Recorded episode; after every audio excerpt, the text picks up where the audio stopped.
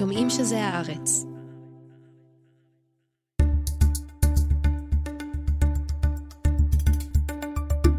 היי, כאן ליאור קודנר, ואתם על פודקאסט השבוע של הארץ. זה השידור הנוסף האחרון שלנו במסגרת פגרת החגים, והפעם, ראיון עם העיתונאית אילנה דיין. בשיחה תקיפה ולא אופיינית, דיברנו על התוכניות להחלשת מערכת המשפט והתקשורת, על המניעים של בנימין נתניהו ועל הגזלייטינג של תומכי הרפורמה. חג שמח שיהיה, והאזנה טובה.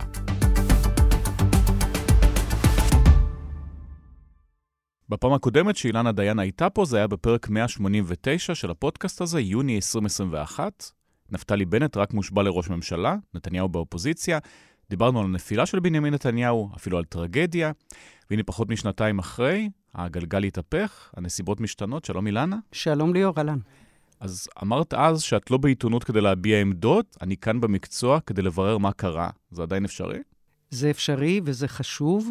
אני חושבת שאם השתנה משהו, זאת העובדה שהדבר הזה שאנחנו עומדים על סיפו כרגע, הוא לא מסוג הוויכוחים שאני חושבת שעיתונאי יכול או רשאי בכלל להישאר מחוץ להם. אני לא חושבת שזה דומה, ליאור, לשום ויכוח שבו באמת חשבתי שאני כעיתונאית צריכה להישאר על הסף ולספר מה קורה. זה לא ויכוח פוליטי, זה לא התנחלויות או סיפוח, זה לא שטחים וזה לא עתיד הסכסוך. זה באמת באמת, וסליחה על הקלישאה, זה באמת גורלה של הדמוקרטיה הישראלית. עכשיו, אני מדברת פה לא רק כאילנה, לא רק כאזרחית המקום, לא רק כאימא, באמת כעיתונאית. עיתונאית צורך את החומרים שהדמוקרטיה מספקת לו, ומספק לה את החומרים שהיא חייבת. הדבר הזה שאנחנו עומדים על סיפו מאיים על עצם היכולת שלנו לספר מה קורה, על עצם היכולת שלנו לעבוד כעיתונאים. זה המהות, שבין היתר זאת המהות של הוויכוח הזה, ולכן אני לא מרגישה שאני יכולה להישאר מחוץ לו. אגב, גם בעבר, כשבאמת אה, הייתי איכשהו הרבה יותר, אה, איך לומר, פחות אקטיבית, בטח ובטח פחות דעתנית, בנושא האחד הזה, שנוגע למהותה של הדמוקרטיה הישראלית ולמקום של בית המשפט העליון בתוכה, גם במשבר הגדול של 2008, כששר המשפטים היה דניאל פרידמן ובית המשפט העליון עמד מול סכנה אחרת, אבל דומה, חשבתי שאני צריכה להביע עמדה, ועכשיו אני מרגישה את זה ביתר שאת. אז בואו ננסה להסביר מה באמת קרה, למה הפעם את צריכה לזרוק, מה השתנה? תשמע, אנחנו מדברים כמה, כמה ימים אחרי ששידרנו את הריאיון עם אביחי מנדלבליט, היועץ המשפטי לשעבר. ואני חושבת שמשהו שהבנתי תוך כדי העבודה על הריאיון הזה, זה שהדבר הזה שאנחנו עומדים מולו, זה באמת סוג של גזלייטינג. מעבר לוויכוח עצמו, זה העובדה שמספרים לנו, אנחנו באים לחזק את הדמוקרטיה. אנחנו באים לבסס את הדמוקרטיה. זו אנחנו... הדמוקרטיה האמיתית. זאת הדמוקרטיה האמיתית. הרפורמה המשפטית נועדה להחזיר את ישראל למשפחת הדמוקרטיות המובילות בעולם. היא תחזק את שלטון החוק, היא תחזיר את האיזון בין הרשויות. אנחנו מחויבים לעצמאות בית המשפט, שתישמר ותהיה זהה למקובל ברוב הדמוקרטיות בעולם. ו- ואני מנסה לחשוב, מה, מה, מה מטריד אותי בדבר הזה? מטריד אותי שאומרים לי משהו, ואני יודעת שאני רואה את ההפך. אומרים לי שבאים בשם הדמוקרטיה, ואני רואה את המקבץ הארטילרי, מטאפורית כמובן, של הניסיון להפוך את הפסיקות של בג"ץ להמלצה בלבד, למנות שופטים מטעם, לבטל את עילת הסבירות, לבסס את פסקת ההתגברות, לרסק את מעמדם של היועצים המשפטיים במשרדי הממשלה, להפוך גם אותם למשרות אמות, בעצם להפוך אותם, מה שמנדלבליט אמר, למכשירי שרצים, לקינוח, להשמיד את תאגיד השידור הציבורי, אבל אם כי כרגע זה מוקפא ומושעה באיזשהו אופן. לחוקק את חוק ההקלטות שיסרס את העיתונות החוקרת. ועכשיו גם מדובר על זה שמח"ש תוכפף לשר המשפטים ולא לפרקליטות. הדבר הזה, הסך הכל של הדבר הזה, הוא בעצם להפוך את הדמוקרטיה שלנו לדמוקרטיה חלולה. ואז אומרים לי, לא, לא, לא, את טועה, זה דמוקרטיה אמיתית, זה רצון העם. עכשיו, תכף נדבר אם זה רצון העם או לא רצון העם, אבל דמוקרטיה, כמו שאנחנו כבר יודעים לדקלם, היא עוד משהו. ו- ואתה יודע, חשבתי על זה, זה באמת, מה זה גסלייטינג? זה כשהבעל מגיע מהעבודה ואומר לאשתו, זה הבושם שלך, זה לא הבושם של המזכירה שלי. זה באמת עלה בעיקר סביב MeToo, המונח הזה.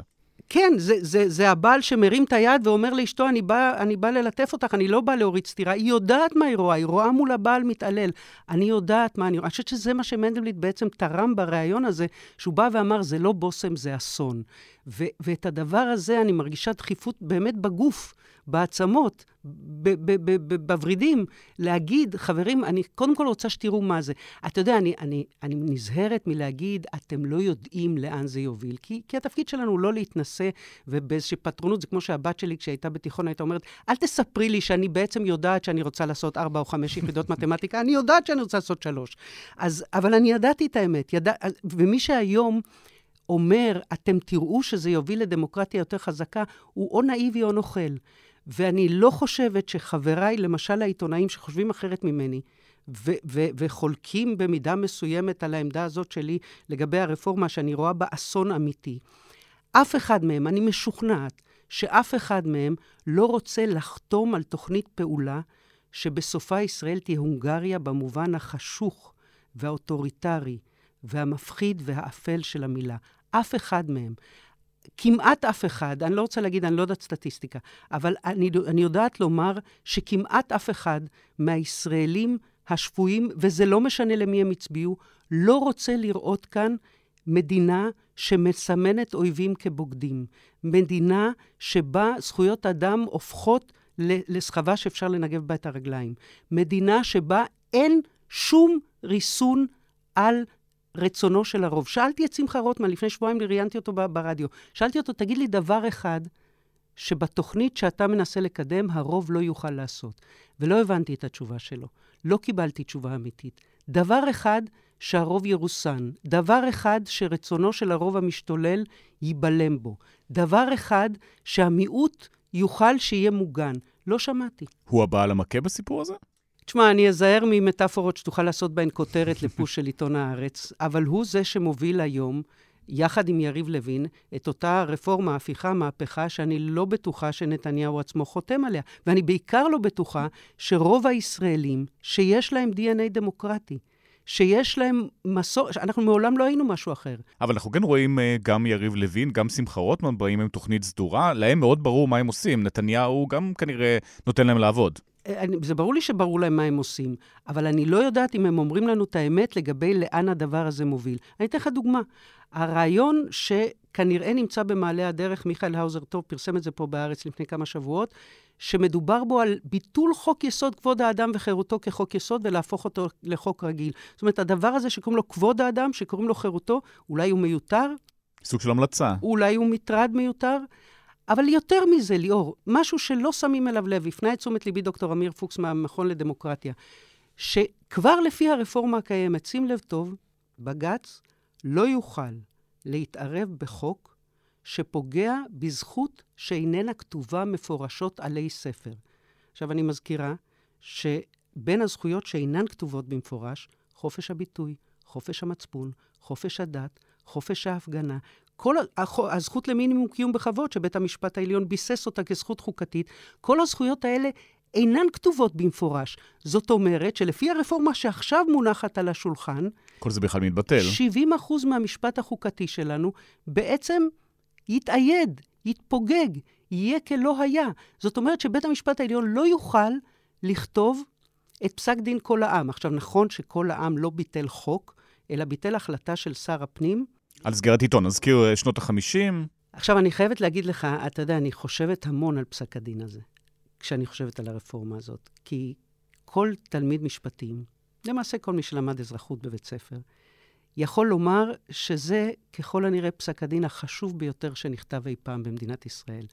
אבל הוא חשוב ליאור, לא רק בגלל שאתה ואני כעיתונאים יודעים שבלעדיו לא היה חופש ביטוי וחופש עיתונות. הוא חשוב לא רק בגלל שאגרנט עשה פה מהלך של ביסוס של זכות חוקתית שלא הייתה קיימת קודם ולא הייתה קיימת בלעדיו. הוא חשוב בגלל שבמדינה שהייתה בת חמש, שהערבים באמת היו על הגדרות, שהאיום הקיומי באמת היה מוחשי ונוכח וחזק, שהערבים פה היו תחת משטר צבאי. בחלק גדול מתחומי מדינת ישראל, בתוך הקו הירוק, שאז היה הקו היחיד, שופט בית משפט עליון, שנולד בארצות הברית, פנינה להב כתבה בזמנו ביוגרפיה על אגרנט ותיארה את הרגעים האלה, שהוא חוזר מביקור באמריקה, ספוג בהוויה ובערכים ובמשנה המשפטית שהוא גדל עליה. חלק מחבריו הפכו בינתיים שם לשופטי בית המשפט העליון באמריקה. והוא מתיישב פה וכותב פסק דין שקורא תיגר שמתריס שמוציא לשון לשר הפנים של מדינת ישראל ואומר לו, זה לא כתוב בשום מקום שאני יכול לפסול את ההחלטה שלך, אבל אתה לא תסגור עיתון רק בגלל שהעיתון כתב ילך באבן ויילחם לבדו, במלחמת קוריאה. אז אני שואלת את עצמי, האם אחרי הרפורמה הזאת יוכל להיכתב כל היום? שמחה רוטמן אומר כן, בגלל שלא מדובר על פסילה של חוק. אבל אני שואלת את השאלה, טוב, זה שאלת הסבירות, אגב, פה. אה, אבל עוד לפני... קבעו ששר הפנים לא פעל בסבירות. זאת עוד לפני שהיה את הסבירות. ועוד לפני שאנחנו מדברים על עילת הסבירות. איך יקום אגרנט הבא? מי ימנה את אגרנט? בוועדה שבה השלטון שולט וממנה רק את אנשי שלמה, את השופטים שהוא רוצה. השל... יש איזשהו שלטון שירצה שופט שיגיד לו לא לסגור את מה שהוא רוצה לסגור? איך יהיה פה אגרנט? איך יהיה פה לנדוי, אותם שופטים שיריב לוין אומר שהוא מתגעגע אליהם? אותו לנדוי, ליאור, שפסל את ההחלטה להפקיע קרקעות שעליהן קמה התנחלות אלון מורה. אותו שופט שמרן, איך הוא יקום? איך הוא ייברא? מי ימנה אותו? לא ברור לי. אגב, גם הסמנטיקה פה חשובה, קראת לזה כמה פעמים רפורמה, אז קוראים לזה רפורמה משפטית, אה, הפיכה משטרית, מהפכה חוקתית, רפורמה להחלשת מערכת המשפט, מה ההגדרה שלך? לא, לא בטוחה שזה חשוב ההגדרה. לא בטוחה שזה חשוב. בפריימינג? זה... ישר אמרת שאנשים אולי לא מבינים על אה, מה אנחנו מדברים, אז framing הוא מאוד חשוב. אם קוראים לזה רפורמה, רפורמה זה נשמע משהו טוב. נדבר סנטימנטלית, זה איום על האופן שבו אנחנו מכירים את המדינה הזאת. אתה יודע, אני ראיינתי את הרב ירחמיאל וייס, הרב של ישיבת מרכז הרב לצעירים, יום אחרי הפיגוע הנורא שהיה, שהיה לפני למעלה מ-10 או 15 שנה, והקירות של הישיבה עוד היו מוכתמים בדם. אני זוכרת ששאלתי אותו על ההספד שהוא נשא יום קודם אל מול שמונת הארונות של הילדים הקטנים שנרצחו בפיגוע הזה. והוא קרא לקדוש ברוך הוא, התריס ו- וגער בו, למה עשית לי הסתר פנים? אני אותו, הרב, איך אתה גוער בקדוש ברוך הוא? הוא אמר לי, זה מה שאנחנו כיהודים עושים. אנחנו קוראים תיגר, אנחנו מתווכחים. מותר לי להתריס מול הקדוש ברוך הוא, מותר לי לכעוס עליו. זה ה-DNA, גם היהודי, בוודאי הישראלי. אנחנו מתווכחים, אנחנו רבים, אנחנו מתקוטטים. לכן אני אומרת, אני לא מאמינה שרוב האנשים שהצביעו בעד הממשלה הזאת רוצים את הדבר הזה. עכשיו, הסקרים אומרים את זה, אבל זה פחות חשוב בעיניי. הדבר הזה שהוא האמנה הבסיסית, כשאתה שואל מה קורה עכשיו, קוראים תיגר על האמנה הבסיסית שעליה אנחנו הקמנו, או מי שהקים, הקים את המדינה הזאת. הדבר שבשבילו ההורים שלי עלו לכאן, ל- לישראל, ב-1970, יחד איתי, הייתי ילדה בת שש. הנה, הסגרתי את הגיל שלי. זה הדבר, אז אתה, אתה מחפש framing, זה איום על, על, על דיוקן פניה של המדינה הזאת. משהו יכול עדיין לעצור את זה? אני חושבת שרק הפוליטיקה, בניגוד למה שנדמה, אני חושבת שההפגנות חשובות כי הן מייצרות דינמיקה, אני חושבת שהמחאה חשובה כי היא מייצרת מציאות, אבל בסוף בסוף זה הפוליטיקה.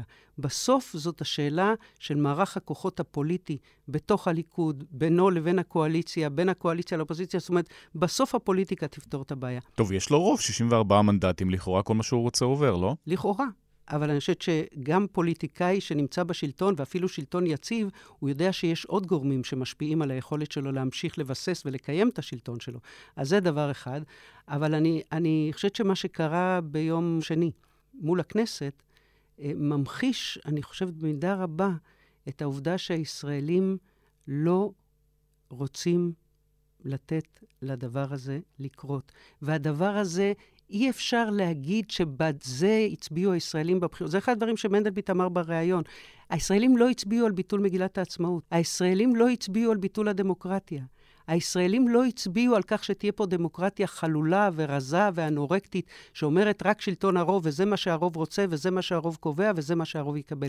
לא על זה הלכנו לבחירות. עכשיו, אתה יודע, אחר כך כשמדברים על רפורמה, על איפה נקודת האיזון המדויקת בין המחוקק לבין השופט, על איך באמת צריכה להיות בנויה הוועדה לבחירת שופטים, ועל האם עורכי הדין הרוויחו ביושר את העובדה שהם אולי צריכים להיות מודחים מהוועדה הזאת, אלה שאלות שבאמת אפשר לדון בהן, אבל אלה שאלות מסדר שני. קודם בואו נדבר מה זה הדמוקרטיה הזאת. הדמוקרטיה הזאת חייבת לכלול את כל גוף הזכויות שרק בית המשפט העליון קיבע אותן, ביסס אותן ויכול לשמור עליהן. אתה יודע למה?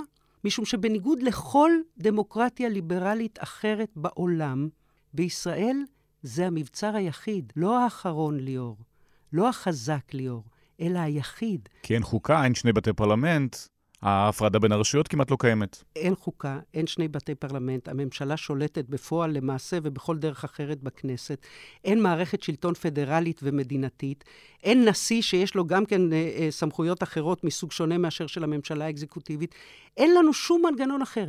אין אגב דמוקרטיה ליברלית שבה קיים הפטנט הזה של פסקת התגברות זולת קנדה. וגם שם זה בין היתר כדי לשמר את החקיקה במחוז קוויבק, ואתה יודע מה החוק ששרד בזכות פסקת ההתגברות, שגם שם מופעלת בקושי בקנדה? חוק שאוסר על מורה לחבוש כיפה בבית ספר. חוק הזוי כזה שרד בקנדה בזכות פסקת ההתגברות. וכשאני מנסה לחשוב, אתה שואל אותי האם תהיה פשרה. אז נכון, נורא קל להגיד, גם לאדם כמוני, נוח לבריות ושוחר פשרות, בואו נדבר על פסקת ההתגברות. בואו נדבר עליה. 61, 64, 74. הכי חשוב זה המספר, נגיע לאיזושהי פשרה. אז אתה יודע, כשחושבים על זה, מה זה אומר?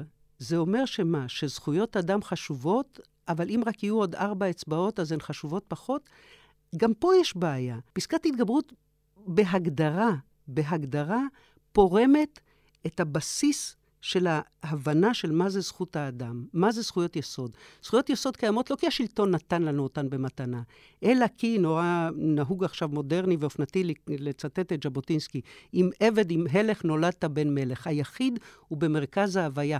ולכן בעצם פסקת התגברות, מעצם, מעצם מהותה, קוראת תיגר על ההבנה העמוקה של מה זה, מה זה זכות יסוד. יש לי זכות לחופש ביטוי, יש לי זכות לזוגיות, יש לי זכות למינימום קיום בכבוד, יש לי זכות לחינוך, יש לי זכות להפגין, יש לי זכות לחופש המצפון, לחופש הקניין, לשם טוב, לא בגלל שהרוב החליט לתת לי והרוב יכול גם לקחת ממני. כי ככה זה דמוקרטיה. כי, כי אני נולדתי בן מלך או בת מלך, כי אני במרכז ההוויה, כי האוטונומיה שלי, הרצון החופשי שלי, העובדה שצריך לכבד אותי כאדם, כאישה, נמצאת במרכז ההוויה. עכשיו, את זה הרוב לא נותן לי, לא מרעיף עליי, כאיזשהו מתת, כאיזושהי מתנה, ולכן גם יכול לקחת ממני כשיש לו איזה רוב מזדמן. וזה כאילו לא חשוב בעצם אם הרוב הוא 64 או 74. אבל נניח שבסופו של דבר, כי נרצה למקם איזושהי נקודת איזון אחרת בין הממשלה, בין הכנסת, לבין בית המשפט, אז, אז תהיה בסוף פסקת התגברות.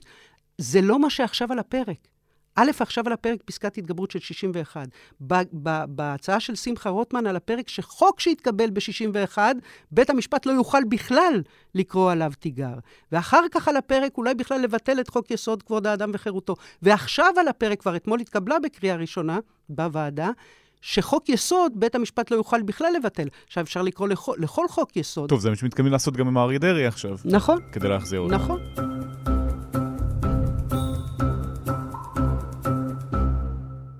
באותו רעיון עם מנדלבליט, השאלה הראשונה שלך הייתה, אם לא היית מגיש את כתבי האישום נגד נתניהו, לא היינו מגיעים למצב הנוכחי. הוא נפנף אותך די מהר, אמר שאז הייתה נגמרת הדמוקרטיה, אבל בית זו השאלה. אני לא חושבת שהוא נפנף מהר, אני חושבת ש... קודם כל זאת הייתה תשובה מפתיעה. אני לא ציפיתי לתגובה הזאת, וזה הרגע שבו הבנתי שהוא הגיע כדי לדבר. טוב, אחרת הוא לא היה מתראיין, זו הייתה הסיבה, לא? נכון, אבל אני ראיתי את התהליך, והוא גם ידע שהוא יוצא מאזור הנוחות שלו, מאוד מאוד נוח. בפנסיה, בהרצאות בבר אילן, במקום שבו סוף סוף הוא השתחרר מהמקום המטלטל והסוער והחבוט שהוא היה בו, ובאמת הוא אמר לי את זה כל הזמן, אמר לי, אני יודע שאני אשלם מחיר. תגיד, אביחי מנדלבליט, יכול להיות שבסוף אתה הכנסת אותנו לכל הברוך הזה? מה יותר חשוב, אביחי? הדמוקרטיה הישראלית או כתב האישום הזה? בסוף זה כתב אישום. לא, אין דמוקרטיה ישראלית בכתב האישום הזה. זה לא דמוקרטיה ישראלית. זה מה שאתה אומר? זאת, כן, זה מה שאני אומר. אם אני לא מגיש כתב האישום הזה, יש ישראל שהיא לא דמוקרטיה. הנקודה הזאת, ב-21 בנובמבר 2019, שבה מנדלבליט הגיש את כתב האישום, אני חושבת שהייתה, כמובן היום אנחנו יודעים, נקודה מכרעת על ציר הזמן, גם מבחינתנו וגם מבחינתו, וכן, כשהוא אומר לי, תשמעי, אילו לא הייתי מגיש את כתב האישום הזה, הייתה פה ישראל, אבל לא הייתה דמוקרטיה, הוא מתכוון, והוא הסביר את זה בהמשך דבריו, שבעצם זה היה הופך אנשים מסוימים, אם זה ראש ממשלה או ראש עירייה, רמטכ"ל או ראש מוסד, אה, אה, לא משנה מי, היה הופך אותם לחסינים. והוא חשב שברגע שיש ראיות ויש מה שהמשפטנים קוראים סיכוי סביר להרשעה, הוא לא יכול להרשות לעצמו לא להגיש כתב אישום. זה לא מחיר מאוד כבד שאנחנו משלמים אותו כרגע? זה, זה בעצם מה ששאלתי אותו. אלה המקומות שבהם לי, לי אין תשובה. זאת אומרת, אני דיברתי, אגב, לאחרונה עם מישהו מהאנשים שמאוד מעורב בתיקי נתניהו, גם הם שואלים את עצמם את השאלות האלה. אני חושבת שמנדלבליט... שמה, השאלה מה הם עושים את זה בכלל? לא, של הכתב האישום מלכתחילה. אה, זאת אומרת, מהרגע שהוגש כבר אין ברירה, המשאית זזה וצריך להתקדם איתה, אבל השאלה הראשונית, אה, האם בכלל היה צריך להגיש ולא היינו מגיעים למצב הזה? נכון, אז קודם כל לא שאין ברירה, אלא כך ראוי. כתב אישום שהוגש צריך להתנהל בבית המשפט. אבל השאלה האם, כל מיני שאלות שעכשיו אנחנו שואלים, גם אנשים שבנקודת הזמן ההיא חשבו שצריך להגיש כתב אישום, עכשיו שואלים, רגע, האם היה שווה את המחיר? וכשהייתה הזדמנות לעסקת טיעון ולא נחתמה, עכשיו שואלים, רגע, האם היה שווה את המחיר? וכותב גידי וייץ פה פעם אחר פעם, זה בעצם לתת לטרור, במרכאות כפולות, לנצח, משום שיש מוטת שליטה כל כך חזקה. לאנשים שחושבים שנעשה אה, עוול לנתניהו ותפרו לו תיקים וחיפשו אותו ומסע ציד ודייג וכן הלאה, שבעצם בגלל הסערה הגדולה ו... מכונת הספינים הענקית סביב המשפט הזה, פתאום הוא הופך להיות שאלה האם זה בכלל היה כדאי. בוא נזכור שכתב אישום מגישים כשיש סיכוי סביר להרשעה, שכתב אישום מגישים גם נגד ראש ממשלה וגם נגד אחרון האזרחים, אם באמת ראוי שכך יהיה. אבל, אבל אני חושבת ש, ש, שמה שקרה מאז, גורם לנו לשאול כל מיני שאלות, בין היתר בגלל מה שמנדלבליט אמר בעצמו, ופה הוא הפתיע אותי שהוא אמר את זה און רקורד למצלמה, שהוא חושב שבין היתר מה שמניע עכשיו את בנימין נתניהו, זה לשים קץ למשפט שלו. עכשיו, אני שואלת את עצמי הרבה, מה עובר לנתניהו בראש? אני יודעת, כמו שכמעט כל מי שמכיר את נתניהו יודע, שהוא ליברל, שהוא נשם את הערכים הדמוקרטיים והליברליים בבית על ברכי תורת ז'בוטינסקי, ובאמריקה, ששם הוא למד בתיכון, ואחר כך ב-MIT, ואחר כך עבד בבוסטון וכן הלאה. אני יודעת שהוא איש ספר, אני יודעת שהוא אה, אה, חי את ההוויה הזאת, ומצד שני שהוא נלחם מלחמת הישרדות. ואני יודעת עוד משהו, ליאור, ואני חושבת שעל זה דיברנו בפעם הקודמת, שהוא נושא איתו את הצלקות של האליטה הישראלית, בין אם זה השמאל הליברלי, בין אם זה התקשורת, העיתונות, בית המשפט. אבא שלו. כן, אבל אני מדברת על מה שקרה פה אחרי שהוא נבחר ב-1996. וארי שביט פרסם פה בעיתון הארץ מאמר על שנאת נתניהו, ועל כך שחלק גדול מהאליטות האלה לא קיבלו את הניצחון שלו, שהיה ניצחון לגיטימי, שהושג ביושר, ושיכול מאוד להיות שהיה מושג גם אילולא רבין היה נרצח. ואת הצלקת הזאת נתניהו נושא איתו מאז, והיו לה כל מיני מופעים. היה לה מופע של ניסיון להתפייס עם שונאיו, ומופע אחר של ניסיון לנקום בשונאיו, והיה קו פרשת המים ב-2015, כשהוא ניצח את הבחירות עם שתי ידיים קשורות מאחורי הגב, ויש עוד קו פרשת מים בניצחון ב-2 בנובמבר 2022.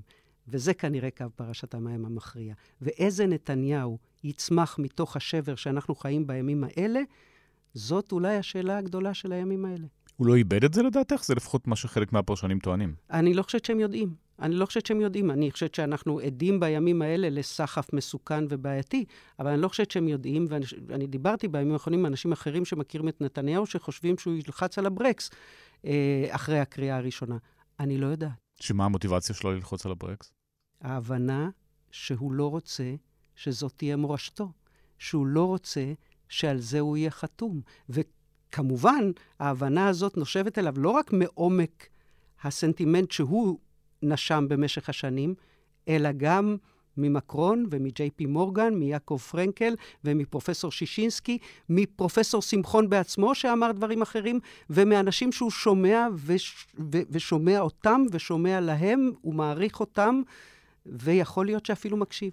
זה לא קצת נאיביות או wishful thinking? יכול להיות. יכול להיות שאני מחפשת אופטימיות. האמת שאני מוצאת את האופטימיות במקום אחר. מה? אני מוצאת את האופטימיות ב... ב-DNA הישראלי. אני נזכרת הרבה פעמים ברשימה שנחום ברנע פרסם אה, אחרי חומת מגן, כשהפלסטינים האשימו אותנו בטבח בג'נין. ונחום כתב שאילו היה שם טבח, אז המילואימניק היה מספר את זה לאשתו, ואשתו הייתה מספרת את זה לגיסתו. והחנווני במכולת, שבעצמו יש לו ילד שמשרת עכשיו בצבא, היה שומע את זה ממנו. ולכן אנחנו היינו יודעים. אז ההוויה הישראלית היא הוויה צפופה. אה, דורון רוזנבלום כתב ש... שהוא מרגיש פה הרבה פעמים בתוך מרק מהביל וחם, וזה נכון. הצפיפות הזאת, הדביקות הזאת, היא בין היתר אחד המאפיינים של הדמוקרטיה הזאת, התוססת, הויטלית, החיונית, השוצפת הזאת שלנו, שהיא הרבה פעמים הקטית ובלתי נסבלת, אבל לרוב היא המזל הגדול שלנו, ואני חושבת שגם בימים האלה. חדוות הקטטה הישראלית, שמהדהדת גם בדברים שהרב וייס אמר לי בזמנו בישיבת מרכז הרב לצעירים, וגם במה שאנחנו רואים בימים האלה, משם אני שואבת את האופטימיות. אני לא חושבת שהישראלים מוכנים לוותר על הדבר הזה שהוא גדול מכל הברכות שלנו, מכל הזכיות שלנו. אני לא חושבת שהישראלים רוצים לוותר על זה. וזה לא חשוב למי הם הצביעו. זה באמת לא חשוב למי הם הצביעו. אתה יודע, חשבתי על זה בדרך, לא יודעת למה נזכרתי. בדרך לפה לאולפן. אני התמחיתי בבית המשפט העליון. אצל מי? אצל כבוד השופט דוב לוין, זיכרונו לברכה. הוא היה ימני, הוא היה איש אצ"ל. נשיא בית המשפט העליון אז היה מאיר שמגר.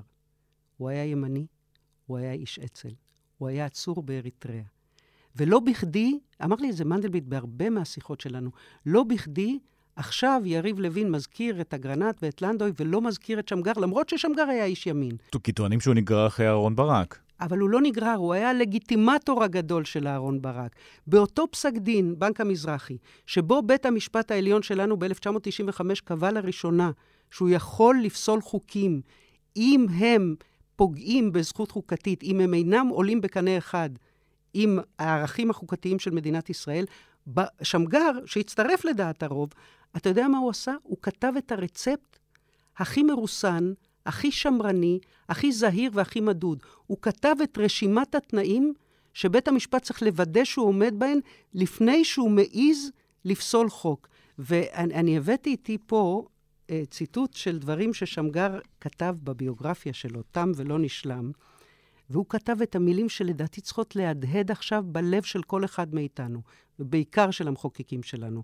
דמוקרטיה אינה רק שלטון הרוב, אלא גם שמירה על זכויות הפרט בכלל וזכויות המיעוטים בפרט. ובית המשפט הוא המבצר של הדמוקרטיה הישראלית. רק הוא לבדו יכול להציב גבולות לשלטון, כל שלטון שהוא, מפני סחרחורת הכוח.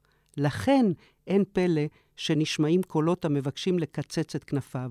זו סכנה לחירויות, משום שבית המשפט הוא המוסד היחיד שהאזרח, כל אזרח, יכול לפנות אליו אם הוא חש שנפגעה אחת מחירויותיו. זה כותב שופט שהוא איש ימין, והוא אומר את זה גם לאזרח, או למחוקק, או לבעל שררה שהוא איש ימין. אם נחזור לביקורת על בית המשפט, אז את כן מבינה חלק מהביקורת? אה, כבר שנים מדברים על זה, כמו בספר הזה של שמגר, עוד משנות ה-90, כל שנה מדברים אולי יעשו רפורמה, יעשו רפורמה, יעשו רפורמה, שום דבר לא קורה, המצב לא משתנה. אז אולי אה, לא הייתה, זאת אומרת, ראינו את המכונית הזאת נכנסת בקיר, לא הייתה ברירה. אין ספק שצריך לעשות מאמץ אדיר כדי להבין מאיפה זה בא. אני מתכתבת בימים האלה עם פרופסור, חובש כיפה, איש אקדמיה. שכותב לי, אני נורא מאוכזב ממך. אני מאוכזב ממך כי תמיד חשבתי שאתה אדם אובייקטיבי, ופתאום את מביעה דעה שעליי לא מקובלת. וזה הפך להתכתבות ליאור של עשרות אלפי מילים בינינו. ובין היתר הוא כותב מתוך הכאב הזה כלפי בית משפט שלא חש את כאבו, כמובן בעיקר בהתנתקות, אבל לא רק. ואני מזכירה לו, לאותו פרופסור, שבג"ץ, לא זו בלבד שהעלה את הפיצוי לעקורי ההתנתקות וכן הלאה, אלא שבג"ץ מעולם לא עמד בדרכה של הממשלה, לא בכל הרפורמות הגדולות, מהרפורמה של הניידים והרפורמה של יועצי ההשקעות, אלא גם בכל מה שנוגע לביטחון, לביטחון המדינה. לא גירוש, לא אטימת בתים, לא הריסת בתים וכן הלאה. אבל זה לא סותר, ליאור, את זה שיש משהו שחייבים להבין ולהפנים. הסנטימנט הזה שרואה בבג"ץ את האויב, אויב אטום, שעצר עד תום ההליכים נערות בהתנתקות, אויב אטום שבעצם מנסה לנהל את המדינה על פי ערכיו שלו ולא לא על פי ערכיה של קבוצה אחרת באוכלוסייה, את הסנטימנט הזה חייבים להבין. אבל זה לא מה שעל הפרק עכשיו. על הפרק עכשיו הוא לא תיקון, על הפרק עכשיו זה לא בואו נתחיל לבדוק למה יש רק שופט מזרחי אחד, או אולי שניים היום בעליון, גם גילה קנפי וגם השופט אלרון. על הפרק לא השאלה איך מתקנים את האיזונים האלה. על הפרק גם לא הבדיקה אחורה, מה קרה וקרה, שבג"ץ לא היה קשוב מספיק ולא היה רגיש מספיק לכאבים ומצוקות של חלקים מסוימים באוכלוסייה. זה לא מה שעל הפרק עכשיו. על הפרק עכשיו זה שמי שרוצה להתנקם בבג"ץ, מתנקם בעצמו, כי זה אותו בג"ץ שדאג לכך שאדם עני שיש לו רכב לא תישלל ממנו קצבת ההכנסה. זה אותו בג"ץ שקבע שהודעות מסוימות שנגבו בלי שהיה הזדמנות לפגוש עם עורך דין, ייפסלו. זה אותו בג"ץ שקבע שלא יוקם בית סוהר פרטי, כי לא יישמרו זכויות האסירים. עכשיו, זה בג"ץ של ימין או שמאל, או זה בג"ץ של החלשים והמוחלשים? האחורה בטח שצריך להבין מאיפה צמח הסנטימנט, מאיפה צמחה העוינות, מאיפה צמחה התהום הזאת. אחורה צריך להבין. טוב, אנשים אבל... עבדו בזה שנים להצמיח את הסנטימנט הזה. זה גם נכון. אז בשנים האחרונות מצאו פטנט חדש. גורמים במשטרה ובפרקליטות חברו יחד לעיתוני השמאל, אני קורא להם חבורת רק לא ביבי, כדי לתפור לי תיקים מופרכים והזויים. המטרה היא להפיל ראש ממשלה חזק מהימין ובכך להרחיק את המחנה הלאומי מהנהגת המדינה לשנים רבות.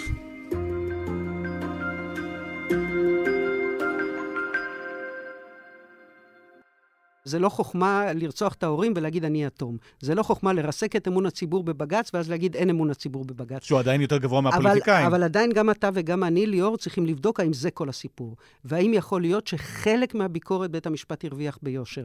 כן, בוודאי שצריך לבדוק את זה. אבל מה שעומד על הפרק עכשיו זה לקחת את הדבר הזה, את המפעל המפואר הזה, שבלעדיו לא היו מתאפשרים נישואים חד-מיניים של להט"בים.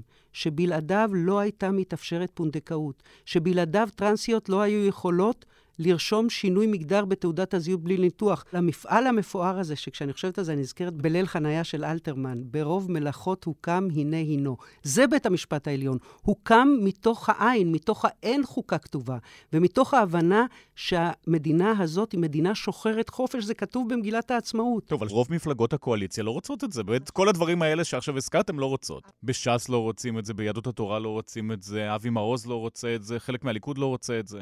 האם כל תומכי הרפורמה לא רוצים את זה? זאת השאלה שצריך לשאול. זה שיש היום קוניונקטורה פוליטית שמאפשרת גם, מה זה שמאפשרת? ש, ש, שגוררת אולי, גם את נתניהו וישראל כץ וניר ברקת ואבי דיכטר ודוד ביטן ואחרים לחתום על הדבר הזה, האם זה אומר שהם, האנשים האלה שעכשיו הזכרתי, הם שנמצאים בשלטון, שהם חברי מפלגת השלטון, שבלעדם לסמוטריץ' ובן גביר לא היו לש, לשכות של שרים, האם הם רוצים לחתום, זאת השאלה ליאור, על תוכנית הפעולה של אבי מעוז. מה יגיד לך, אמיר אוחנה, בוא נכניס אותו עכשיו לאולפן. אמיר אוחנה היה חותם על מדינה שבה אין ללהט"בים זכות לעשות פונדקאות? שבה לא הייתה לו אפשרות להביא ילדים? הוא לא היה חותם, אבל הוא גם לא מתבטא נגד זה. האם ביבי נתניהו היה רוצה לחיות במדינה שבה לא מתאפשר חופש ביטוי? האם ניר ברקת היה רוצה לחיות במדינה שבה אין הגנה על חופש הקניין? הזכויות האלה נמצאות בסכנה. עכשיו, אם באמת רוב הישראלים רוצים לחיות במדינה חשוכה, שבה זכויות היחיד נעלמות וזכויות המיעוט נמחצות, אז אנחנו צריכים להתחיל את השיחה הזאת מההתחלה, ואני לא רוצה אפילו לדמיין איך היא תישמע. אבל אני חושבת שאנחנו יודעים את התשובה. וזאת הסיבה שאני, שאני מדברת איפה שאני רק יכולה, ואני אומרת מה שרק אפשר להגיד, כדי להגיד בדיוק את זה. תדמיינו את סוף הדרך. תדמיינו איך זה ייראה בסוף הדרך, ותשאלו את עצמכם האם המקום שאנחנו נמצאים בו עכשיו, מדינה שוחרת חופש, שיש בה הגנה על היחיד, שבה היחיד יכול לבוא ולקבל את יומו בבית המשפט, אגב, לא רק בעניינים קונסטיטוציוניים, ולהאמין שבית המשפט יעשה צדק, וישמור עליו מפני עריצות השלטון ועריצות הרוב המשתולל, האם רוב הישראלים, רוב רובם, רוצים לחיות במדינה אחרת? טוב, יגידו לך, אגב, משמאל שיזכרו את הכיבוש, ששם זה מטרים כבר הרבה מאוד שנים, זה לא קורה אצל פלסטינאים בשטחים, גם ערבים תושבי ישראל נפגעים, ובית המשפט אה, אולי הולך לקראתם צעד ועוד צעד קטן, אבל לא פותר את המצוקות האלה. שפה יש שאלה אחרת. א', אפשר לטעון את הטענה שהזכויות אצלנו לא נמצאות בעודף, אלא בחסר, אם בכלל. אפשר לטעון את הטענה הזאת. או אפשר... יש זכויות לך ולי ולפלסטינאים בשטחים אין. ומצד שני אפשר לומר שזאת עדיין מדינה שבה איש צעיר ממזרח ירושלים, שיכול להיות שהיו לו הרבה בעיות נפשיות, אבל הוא מצא מזור לבעיות האלה בכך שהוא שחרר אמברקס ונכנס בתחנת אוטובוס ורצח שני אחים קטנים בני שש ושמונה ועוד אברך צעיר. מדינה שבה עדיין אנחנו לא חיים בביטחון. מדינה שבה עדיין אנחנו נלחמים בטרור אכזרי ומשתולל. יכול להיות שבמדינה הזאת בית המשפט העליון, בצדק, בצדק, מאפשר גם אמצעים חריפים, ואולי לטעמם של אנשים מסוימים חריפים מדי, כדי להילחם בטרור. אפשר להתווכח על זה. זאת בוודאי לא דמוקרטיה מושלמת, בהרבה בחינות אגב, לא רק מהבחינה הזאת. זאת בוודאי לא דמוקרטיה מושלמת, וגם בכל מה שנוגע להפרדת הדת מהמדינה. גם חוק השבות הוא לא מופע של דמוקרטיה מושלמת. אבל אני, כאדם ציוני, כמי שחושבת שזה המקום היחיד שבו יש בית לאומי לעם היהודי, כמי שבא לפה ממקום אחר, כי זה מה שרצינו, היה לנו טוב בארגנטינה, אבל היה לנו יותר טוב פה. אני חושבת שחוק השבות הוא חוק מוצדק, אבל הוא לא דמוקרטי באופן מושלם. כנראה, כמו שאבא שלי היה אומר, זיכרונו לברכה, אין אף אחד מושלם חוץ מאמא שלך, זיכרונה לברכה. אנחנו מנקים לכם את הגינות! דרך אגב, שראיתי שם בהפגנה בלילה כל מיני דברים נוצצים, לא הבנתי מה זה. בסוף הבנתי שזה שעוני הרולקס של כל המפגינים שם. בואו תראו כמה מרצדסים יש פה.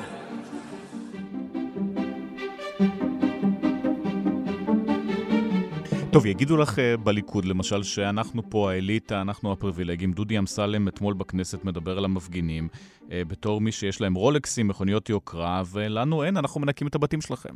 אמר וענד כנראה על פרק כף ידו שעון שעולה 25,000 שקל, זה אני אומרת רק על סמך מישהו ש, שצייץ. מומחה ו- בשעונים. כן, והלך ובדק. אבל תשמע, אני מתה יום אחד לשאול את אמסלם. גם אותו. אם זה מה שהוא רוצה שיהיה פה. טוב, זה הטיקט שלו, ככה הוא לא, מגיע לכותרות לא, אצלנו אבל, בתקשורת, אבל, אגב. אבל פה, נכון, אבל פה יש משהו שאני מתעקשת, שאני מכריחה את עצמי להקשיב אחרת לאמסלם, ולהגיד לעצמי שהצלקת הזאת, שמתחילה ב-DDT, ומתחילה במעברות, ומתחילה בדוד של חברתי הטובה ענת, שהגיעה לפה מעיראק, ומתברר שכל חייו הוא אסף, ורק אחרי מותו מצאו את המכתבים של, של, של הבנקים שלא רצו לתת לו עבודה, אפילו כפקיד. את הצלקת העמוקה הזאת, אני חושבת שעד היום, עד היום החברה הישראלית לא ריפאה. זה החטא הקדמון של ההגמוניה, של האנשים שהקימו את המדינה הזאת, ובמובנים מסוימים הקימו אותה עקום. אז אפשר למצוא לזה הרבה תירוצים. אני זוכרת שאימא שלי הייתה אומרת לי, היינו הולכים למעברות והיינו עוזרים להם. בסדר, אבל מהמקום המתנשא והאשכנזי. אני חושבת שאת הצלקת הזאת לא ריפאנו, והיא באה לידי ביטוי בכל מיני דברים. גם בדברים של אמסלם השבוע בכנסת. אז אפשר, אתה יודע, לבטל אותם, ואפשר לדרדר אותם, ואפשר גם להקשיב להם. אבל אני חושבת שהמרפא לא נמצא במקום האחד שמנסה גם על זה לענות, במקום האחד שבלם את רעיון העוועים שילדות מזרחיות לא יוכלו להתקבל לסמינר בעמנואל, במקום האחד שמנסה להסתכל על היחיד, ולא משנה אם היחיד הזה הוא מזרחי, אשכנזי, ערבי, יהודי, עני או עשיר, ולהגיד, היחיד הזה נמצא במרכז ההוויה. זה מה שבית המשפט העליון עושה. זה המפעל המפואר שלו. את המפעל הזה מנסים עכשיו לרסק. גם אמסלם לא רוצה שהוא ירוסק. אז דיברנו הרבה על פוליטיקה, על השופטים עצמם לא דיברנו. יושבים אותם 11 איש, שלא לדבר על אה, שופטים גם בבית משפט מחוזי, בבית משפט שלום, אותם שופטים שדנים בתיקי נתניהו. כל הדברים האלה עוברים מעליהם, בטוח נכנסים קצת לראש. זה משפיע גם על המערכת המשפטית. אתה יודע, אפשר לדבר עכשיו, הרבה שואלים את השאלה, אני שואלת, מה יעשה נועם סולברג? שופט שמרן, מתנחל, מלון שבות. החלום מה... של הימין. כן, ו- ומה הוא יעשה כשתגיע שאלת הסניוריטי? יש, יש הר... לך גם מיילג' אישי איתו. נכון, הוא היה השופט שפסק נגדנו בפרשת סרן ריי, שלשמחתי פסק הדין התהפך פעמיים בעליון, ואת זה לא פחות חשוב לומר. אבל אני חושבת ש- ש- שמה ש- שחשוב לראות בהקשר של השופטים, זה נכון שיש כל מיני זנים. אגב, בעיקר בתקופה האחרונה, שלמרבה השמחה, ההרכב נעשה הרבה יותר מגוון. אז זה נכון ששמגר היה יותר שמרן מברק. ולנדוי היה יותר שמרן משניהם, וסולברג ככל הנראה יותר שמרן משלושתם. אבל אני ספרתי 76 שופטים בבית המשפט העליון לדורותיהם, ואני חושבת שמותר לקבוע בביטחון שכולם, מאדמונד לוי, זיכרונו לברכה, ועד אהרן ברק, ייבדל לחיים ארוכים. ממרים בן פורת, זיכרונה לברכה, ועד אסתר חיות, תיבדל לחיים ארוכים. ויש ביניהם הבדלים בהשקפת עולם, בהשקפה פוליטית וגם בהשקפה המשפטית. אבל כולם עד האחרון שבהם, כולל אילון חובש הכיפה, זיכרונו לברכה, וזילברג, ואולשן, ואגרנט, ולנדוי וכולם, ראו, וראיתי את זה במו עיניי, ראו את תפקידם באופן האחד הזה, כמי שעומדים על משמר החברה והדמוקרטיה הישראלית מפני עוצם ידו של השלטון. כל שלטון.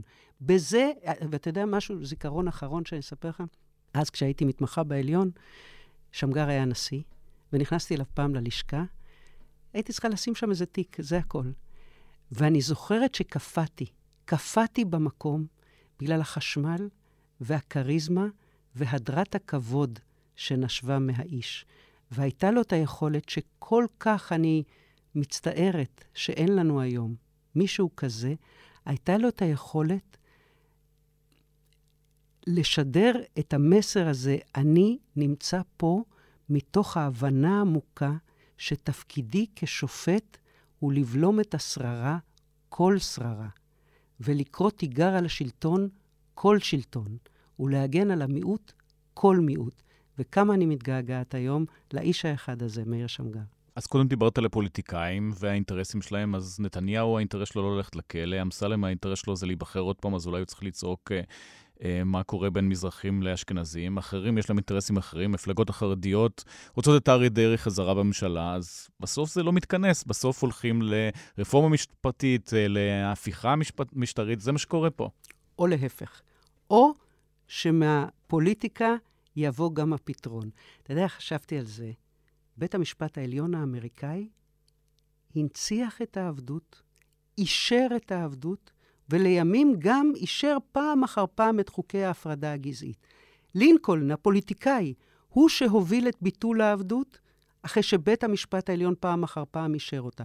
בית המשפט העליון האמריקאי עכשיו, לאחרונה, ביטל את הזכות להפלות, אבל במדינות דואגים, בחלק מהמדינות בארצות הברית, דואגים לשמר אותן. מי דואג לשמר אותן? הפוליטיקאים. זאת אומרת, החוכמה לא מצויה רק בצד אחד. על הגבעה ההיא, בגבעת רם, נמצאים כיום, כמה? 11 שופטים? ולא כל החוכמה מצויה אצלם. יש גם חוכמת הפוליטיקה. איפה? אני חושבת שאנחנו, אם, אם ניוושע, זה יהיה משם, ליאור. בסוף ההחלטות טוב, יצטרכו. טוב, הזכרת אגב גם שפיכות דמים שמדברים עליו בימים האחרונים. לינקולן נרצח, היה מלחמת אזרחים. אולי גם לשם אנחנו הולכים. אני לא חושבת שמישהו פה רוצה מלחמת אחים. אה, אף אחד לא רוצה שפיכות דמים. אה, אני חושבת שאנחנו נמצאים על סיפו של כאוס. אני מאוד מקווה שאנחנו רחוקים מאוד ממלחמת, אה, ממלחמת אחים, ממלחמת אזרחים. זה משהו שתמיד ידענו שנמצא במקומות אחרים. יש עוד משהו שתמיד ידענו שנמצא במקומות אחרים. החצייה של הקו הזה, גם לכיוון יד איש ברעהו, וגם לכיוון של ריסוק הכללים הבסיסיים של המשחק. הזכרתי את ארגנטינה. אני חושבת עליה הרבה, על המדינה הזאת לאחרונה. בעיקר כי המונדיאל סחף אותי ופתאום החזיר אותי חזרה למקורות ולא ידעתי את נפשי. כל משחק, פיתחתי אמונה תפלה אחרת כדי לוודא שמנצחים עד שלקחנו את הגביע. ויש בארגנטינה כדורגל נהדר ויש את מסי שאין בשום מקום אחר בעולם. יש טנגו משגע ואוכל נפלא. אבל אין בה את הדבר האחד הזה שתמיד ידענו שיש לנו. את ההכרה העמוקה בכללי המשחק. אמר לי פעם בן דוד שלי מארגנטינה, את יודעת כמה כסף הייתי יכולה לעשות פה? רק מתחקירים שלא היית משדרת? כמה היו משלמים לך? ארגנטינה היא מדינה עקומה, נפלאה, נהדרת, עשירה, יפייפייה, אבל עקומה לחלוטין. במובן זה שאחת לכמה שנים היא מרשה לעצמה להיחטף פעם בידי פופוליסט כמו פירון, פעם בידי אשתו המשונה, ופעם בידי חונטה של גנרלים. זה הדבר שהארגנטינאים משום מה משלימים איתו. הישראלים לא משלימים איתו, מעולם לא השלימו איתו, אני מקווה שגם לעולם לא ישלימו איתו. הדבר הזה שפתאום נהיה כל כך הגיוני שאנחנו מדברים עליו, ליאור, שכללי המשחק נמצאים בסימן שאלה, שאני שומעת השבוע ממישהו שמעורב בתיקי נתניהו, שיש עדים שמבקשים שיוותרו להם. יש עדים שמבקשים, אל תגררו אותנו להעיד, כי אנחנו עוד צריכים להתקדם במקום שבו אנחנו עובדים. טוב, כי כל שאר העדים עוברים שם אה, אמבוש בבית המשפט. שזה קשור לרוחות הרעות שמנשבות בחוץ. זה קשור לזה שתזה תפירת התיקים קנתה לשביתה. בגלל זה חשבתי שכל כך היה חשוב שמנדלבליט יבוא ויגיד את הדברים, וידבר אגב גם על מה שהוא חווה גם מימין וגם משמאל. אתה יודע, אחד הדברים שהוא דיבר עליהם, אתה זוכר ש... שבזמנו חשפה איילה חסון את הסיפור על אותה אישה שצעקה למנדלבליט ברחוב, פרשת משפטים בושה. היא כעסה... ואז העמידו אותה לדין. על זה, לא, עצרו אותה בעיצומה של השבת, לקחו אישה דתייה וזרקו לתוך ניידת. ולמנדלבליט היה חשוב להתראיין, בין היתר, גם, הוא דיבר על דברים אחרים שעשו לו, אבל בשיחות שלנו הוא דיבר גם על זה, על כך שהוא היה בבית הכנסת, שהוא לא ידע שעוצרים אותה, שהוא חשב שלא נכון לעצור אותה, שזה עשו בתום לב אבל בטעות. עכשיו, כל הדבר הזה, כל ההוויה שאנחנו חווים ב, ב, ב, בשנים האלה, גם בהקשר של משפט נתניהו, שפתאום השאלות הבסיסיות הופכות להיות לא מובנות מאליהן. מה, זה לא ברור לכל ישראלי בר דעת שאין איזושהי חבורת חובשי מצנפות בסלאח א-דין שתופרת תיקים לראש ממשלה? לא ברור לכל ישראלי בר דעת שחוקרי יח"א אולי עשו טעות באופן שבו דיברו לניר חפץ, אבל כשהם עצרו את אותה מקורבת, יכול להיות שהכוונה הייתה אחרת לגמרי. טוב, ליאיר נתניהו זה לא ברור, ולאנשים שמהדהדים את המסרים האלה. בגלל שמהדהדים את המסרים האלה, בגלל מכונת הספינים. אבל זה עוד מופע, זה מה שאני מנסה להגיד. המכונה התמונה הזאת שמתחוללת סביב תיקי נתניהו היא מופע אחד מיני רבים שקורא תיגר על הדבר הזה שאמור להיות כל כך ברור. עושים טעויות, גם במשרד המשפטים, גם ביח"א, גם בפרקליטות, אפילו בבית המשפט העליון. אבל המוסדות האלה גדולים מסך הטעויות שלהם. המוסדות האלה הם הבסיס לקיום הערכי, הנורמלי, השפוי, הישראלי. שאנחנו רוצים שיהיה פה. זה, זה מה שעל הפרק, לא הטעויות. טעויות יש ויהיו, טעויות צריך לתקן וחייבים לתקן אותן. זה לא מה שעל הפרק. על הפרק לא פסקת התגברות של 84, אלא של 61. על הפרק לא איך נמנה עוד שופטים מזרחיים לבית המשפט העליון, אלא איך נרסק את בג"ץ. על הפרק לא איך נדייק את היכולת למשילות בתוך משרד ממשלתי, אלא איך נהפוך את היועצים המשפטיים במשרדי הממשלה למישהו שאפשר למנות, לפטר ובעיקר להכשיר שרצים באמצעותו. זה מה שעל הפרק. ולדעת איך זה עדיין הפיך? ברקס אחד ואנחנו חוזרים אחורה? פעם לימדו איתי שבירידה צריך לפמפם, לא לעשות ברקס בבת אחת. אז יכול להיות שיתחילו לפמפם. אין לי ספק, מה זה אין לי ספק? זו מילה מוגזמת. אני חושבת שבטח נתניהו, שהוא כל כך חד במובן של... אה, לחוש את השטח? בדיוק, לחוש את השטח. והשטח, קוראים לו כל מיני דברים. השטח, קוראים לו מחאת המילואימניקים, קוראים לו רחוב קפלן, קוראים לו מה שקרה השבוע בכנסת, השטח קוראים לו עמנואל מקרון, השטח קוראים לו ביידן, השטח קוראים לו תום פרידמן בניו יורק טיימס, השטח קוראים לו גם גידי וייץ בעיתון הארץ. נתניהו קורא ושומע, מעכל ומפנים. אין לי ספק בזה. השאלה האחרת זה אם הייתה תבונה לקבוע עכשיו שהוא בניגוד עניינים ולא יכול לעסוק ברפורמה, האיש היחיד אולי שיש לו מספיק כוח, מספיק מנופי שליטה וגם מספיק רצון כדי ללחוץ על הברקס. אבל אני, בדבר אחד אני בטוחה, הפתרון יבוא מהפוליטיקה, הדינמיקה תבוא מהרחוב. אילנה דיין, תודה רבה. תודה ליאור, להתראות.